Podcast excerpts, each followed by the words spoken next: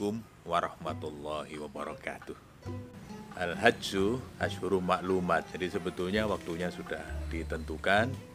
Nah, siapa yang sudah berniat betul untuk haji, maka wala rofata, wala fusuko, wala jidal fil haj. Maka kita tidak boleh rofas, tidak boleh fusuk, tidak boleh jidal kalau lagi haji.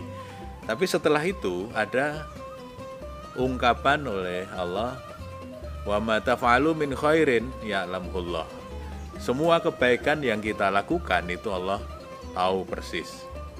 Nah, kemudian kita diminta untuk berbekal. Ya, bekalnya itu ada real, ada macam-macam, tapi Allah mengingatkan wa tazawwadu fa inna khairazati taqwa. Kita diminta untuk berbekal, tetapi bekal yang paling baik itu adalah bekal takwa. Wattaquni ya ulil albab dan bertakwalah kepadaku wahai orang-orang yang mempunyai pikiran mendalam. Nah, Bapak Ibu, di akhir ayat itu disebut ulul albab. Jadi yang bisa berbekal takwa itu memang ulul albab. Kalau tidak ulul albab itu kadang-kadang bekalnya malah mengutamakan yang lain-lain. Ulul albab itu apa? Albab itu jamak dari lub. Lub itu adalah kalau pohon itu ada batang, nah di tengah batangnya kalau yang kita biasa sebut sebagai galih, itulah yang namanya lub. Jadi inti sari dari sesuatu itu namanya lub. Di galih atau inti dari pohon itu namanya lub. Albab itu jamak dari lub. Maka ulul albab itu sebetulnya orang yang bisa berpikir mendalam. Kenapa saya sebut ulul albab ini orang yang bisa berpikir mendalam? Karena kalau di dalam bahasa psikologi, berpikir itu bisa dibagi dua, di permukaan dan di kedalaman. Yang di permukaan yang disebut dengan surface thinking, berpikir di permukaan, itu kalau orang berpikir yang dicari adalah data Nah, biasanya orang di sekolah, di kampus itu seneng banget kalau sudah ketemu data. Padahal ketemu data saja itu sebetulnya belum cukup. Harus dilanjutkan dengan mencari makna di balik data yang sudah kita temukan. Maka deep thinking atau berpikir mendalam itu adalah kemampuan orang untuk berpikir kritis, reflektif. Nah, itulah yang disebut ulul albab.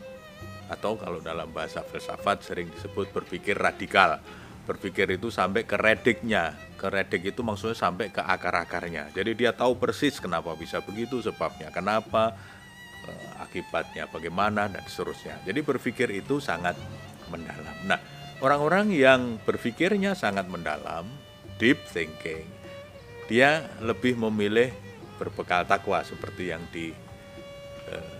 diingatkan eh, oleh Allah. Sementara yang tidak ulul albab itu kadang-kadang bekalnya malah yang di misalnya menjelang berangkat haji itu yang disibukkan adalah nyari pakaian, nyari sendal, nyari celana, nyari mukena, nyari apa saja yang nanti akan dipakai. Padahal pada kenyataannya kalau kita mau beli pun di sana banyak sekali. Nah, kita sudah menyiapkannya sedemikian rupa padahal di sana semuanya ada dan murah-murah lagi. Maka Sebetulnya untuk menjadi haji yang mabrur itu bekal utamanya adalah ketakwaan. Karena pada zawadu fa inna khairazati taqwa. Ini statement Allah bahwa bekal yang paling baik yang dibawa ke tanah suci untuk bahkan sebetulnya tidak hanya di tanah suci dalam kehidupan sehari-hari di dunia ini itu juga takwa. Karena dalam ayat yang lain dikatakan kalau saja orang itu beriman dan bertakwa kepada Allah, maka berkah dari langit dan bumi akan diberikan kepada kita. Jadi ada kebaikan yang banyak sekali dari langit dan bumi yang diberikan kepada orang-orang yang bertakwa. Maka sebetulnya bekal takwa ini hanya tidak hanya untuk bekal berangkat haji tetapi juga bekal untuk menjalani kehidupan di dunia. Dalam surat Al-Baqarah ayat 189 ada statement Allah yang menarik sekali. La'allakum tuflihun. Maka bertakwalah kamu kepada Allah dan bertakwalah kamu kepada Allah la'allakum tuflihun. dalam tafsir diterangkan la'alla itu kan artinya harapan ya mudah-mudahan. Tetapi kalau yang mengatakan la'alla itu Allah, itu artinya kepastian. Nah kalau la'alla itu yang mengucapkan hamba, itu artinya doa.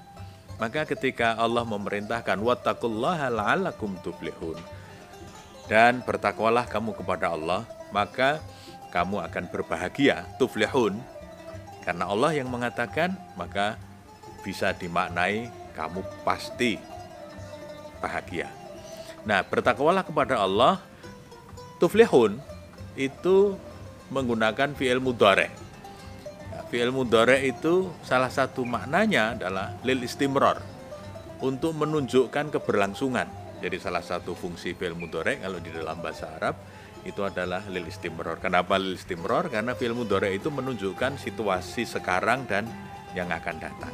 Nah, ketika Allah menggunakan bentuk tuflihun, itu artinya sebetulnya orang yang bertakwa itu bukan saja mendapatkan keberuntungan, mendapatkan kebahagiaan, tetapi di balik yang fi'il mudhari tadi bentuknya itu mengisyaratkan bahwa kebahagiaannya itu bisa berlangsung terus-menerus.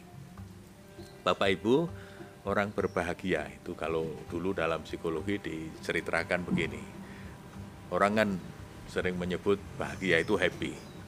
Nah, dulu happiness itu dimaknai sebagai kesejahteraan yang secara objektif itu bisa diukur indikator-indikatornya itu jelas. Jadi kalau orang kekayaannya sekian, kesehatannya begini, pendapatannya begini, oh itu artinya eh, kebahagiaannya tinggi. Tetapi dalam penelitian-penelitian psikologi lebih lanjut ditemukan bahwa ternyata kebahagiaan itu tidak objektif, tetapi subjektif. Kenapa disebut subjektif? Itu karena eh, orang itu dalam kondisi yang sama, itu ternyata bisa merasakan kebahagiaan yang berbeda-beda. Nah, maka ada dua indikator yang penting dalam kebahagiaan menurut konsep psikologi. Yang pertama adalah yang disebut dengan positive emotion jadi orang yang berbahagia itu hatinya senang, hatinya gembira, hatinya penuh dengan rasa syukur, pokoknya emosi-emosi atau perasaan, feeling yang positif. Semakin banyak perasaan positif yang dia rasakan, maka satu indikator kebahagiaan sudah dia miliki. Nah, yang kedua itu kalau yang disebut dengan life satisfaction. Orang mengalami kepuasan di dalam hidup. Jadi kalau orang hidup itu banyak puasnya, banyak keturutannya, banyak kesampaian apa yang dia mau, ah, dia bahagia. Maka semakin banyak orang itu merasakan feeling yang positif dan apa yang dia mau kesampaian, itu orang dia katakan akan mendapatkan kebahagiaan. Nah, karena kebahagiaan itu subjektif, maka dalam psikologi sekarang istilahnya bukan lagi happiness yang banyak dipergunakan, tetapi adalah subjective well-being jadi kesejahteraan subjektif. Jadi orang berbahagia itu ternyata memang subjektif. Nah, ada orang itu yang di rumah bersama keluarga sudah bahagia. Ada yang kalau belum keliling Eropa belum bahagia. Jadi ada bahagia yang mahal, ada bahagia yang sederhana. Tapi semuanya bisa merasakannya sebagai sebuah kebahagiaan. Nah, kenapa orang yang bertakwa itu bisa berbahagia terus-menerus? Tadi saya mengatakan tuflihun itu karena menggunakan fi'il mudhari, maka orang yang bertakwa itu akan bahagia terus-menerus. Itu karena baik keturutan maupun tidak keturutan. Nah, ini yang penting. Maka orang yang bertakwa itu tetap bahagia, tetap bersyukur. Jadi misalnya seperti yang Bapak Ibu alami sekarang ini, kita berada dalam situasi pandemi dan Bapak Ibu tidak jadi berangkat pada tahun ini, ya meskipun tidak berangkat, tapi kita tetap happy, tetap bahagia, alhamdulillah. Allah mungkin punya rencana yang berbeda, yang kita belum tahu apa hikmahnya. Insya Allah pasti besar hikmahnya. Kenapa kita berangkatnya ditunda? Orang yang bisa begini, ini orang yang bertakwa. Kalau orang yang tidak bertakwa, apa yang dia inginkan tidak kesampaian, dia pasti komplain dia pasti mengeluh. Dia pasti tidak tidak terima. Kenapa tidak diperjuangkan supaya dari yang sekian ribu itu ada yang dari Indonesia, wes pokoknya macam-macam. Tidak bisa menerima apalagi hal-hal yang buruk yang terjadi itu apa adanya. Nah, kalau kita lihat falaha itu kan artinya hasil baik, sukses, memperoleh apa yang dikehendaki. Nah, kadang-kadang dalam hidup ada yang kesampaian, ada yang tidak kesampaian. Nah, maka kalau orang yang bertakwa, apakah itu sampai atau tidak sampai, dia akan tetap menerimanya dengan senang hati. Nah, dari kata falah ini kemudian dapat diterjemahkan menjadi beruntung, berbahagia, memperoleh kemenangan, memperoleh keselamatan dan sejenisnya. Jadi hal-hal yang yang baik itu yang menunjukkan makna dari pala. Ya. Nah, kemudian kita masuk ke mabrur. Mabrur itu dari kata albir yang bisa diterjemahkan dengan kebaikan ya secara bahasa. Eh, haji mabrur itu berarti haji yang baik. Karena arti bir itu kebaikan. Maka di dalam lisanul Arab ya kamus bahasa Arab itu mabrur diartikan sebagai baik, suci, bersih, juga makbul atau diterima. Nah, maka kalau kita lihat menurut istilah, maka haji mabrur memiliki beberapa macam makna.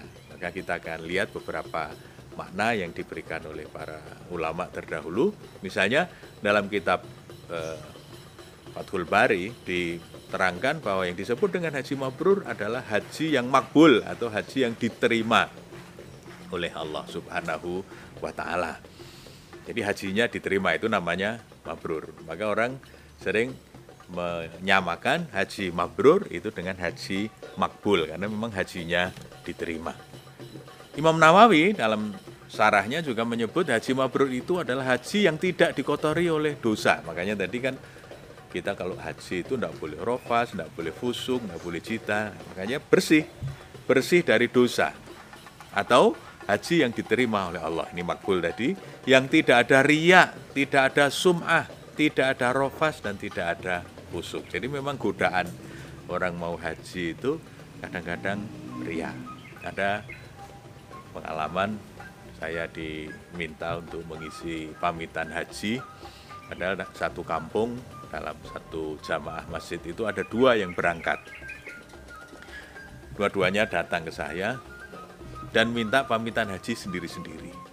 Nah yang menarik, yang satu itu mengatakan, sebetulnya Pak kami ingin pamitan haji itu diselenggarakan di masjid dan bersama-sama karena kami cuma berdua toh di kampung itu ya tetangga kami teman-teman kami ya sama tapi mohon maaf pak ini sahabat kita yang satu tidak kerso jadi maunya pamit sendiri-sendiri. Nah hati-hati kadang-kadang.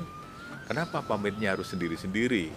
Mungkin ada dalam tanda petik tanda-tanda ketika dia ingin menunjukkan sesuatu. Mungkin menunjukkan kesuksesannya mungkin menunjukkan rumahnya yang bagus atau ingin menunjukkan hidangannya yang berbeda dengan yang lain dan seterusnya.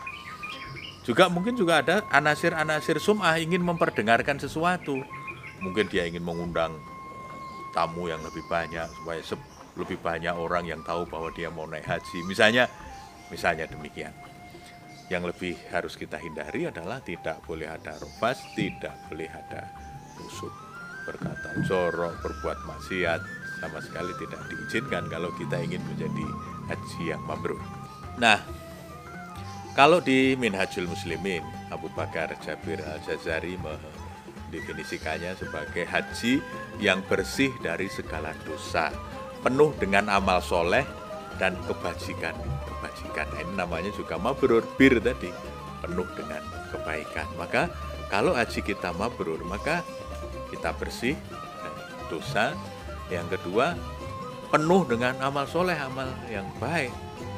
Jadi mudah-mudahan kundur haji dan kemudian hajinya mabrur itu di samping memang hidupnya menjadi lebih bersih itu amal solehnya menjadi lebih kelihatan. Jadi kesalehannya itu beda antara sebelum berangkat dan setelah kundur itu menunjukkan bahwa hajinya berhasil. Nah dari beberapa hadis dari beberapa ayat yang kita lihat bisa disimpulkan bahwa kalau orang pulang haji, mestinya pertama dia akan semakin zuhud. Yang kedua, hubungan vertikalnya juga semakin menguat. Jadi habluminallahnya itu kuat sekali. Allah yang dinomorsatukan, akhirat yang diutamakan. Nanti yang hubungan horizontalnya itu juga semakin baik. Hubungannya dengan keluarga, dengan sahabat, dengan kolega, tetangga itu menjadi jauh lebih baik. Itu juga bisa dilihat seperti yang disabdakan oleh Nabi, tutur katanya itu juga semakin santun. Di samping memang dia semakin dermawan, tetapi juga tutur katanya semakin santun. Yang menjadi pertanyaan adalah kalau ada orang sudah haji, tapi kok tutur katanya tidak santun, lebih suka mencaci maki, lebih suka menjelek-jelekan orang lain. Nah, bisa disimpulkan apakah hajinya seperti yang diharapkan oleh Rasul atau tidak. Karena mestinya kritik, saran itu bisa kok dilakukan dengan hikmah, dengan maidotil hasanah, tidak dengan caci maki, tidak dengan ungkapan-ungkapan yang tidak baik. Nah ini kalau orang itu hajinya mabrur, maka pulang haji kata Rasulullah. Salah satu indikatornya adalah tutur katanya santun. Ya kalau kita di Jogja sering menyebutnya tidak tidak nyelekit, tidak menyakitkan hati. Pemirsa, mabrur itu hidup penuh kebaikan. Lebih hebat menjadi orang baik daripada menjadi orang hebat tapi tersesat. Assalamualaikum warahmatullahi wabarakatuh.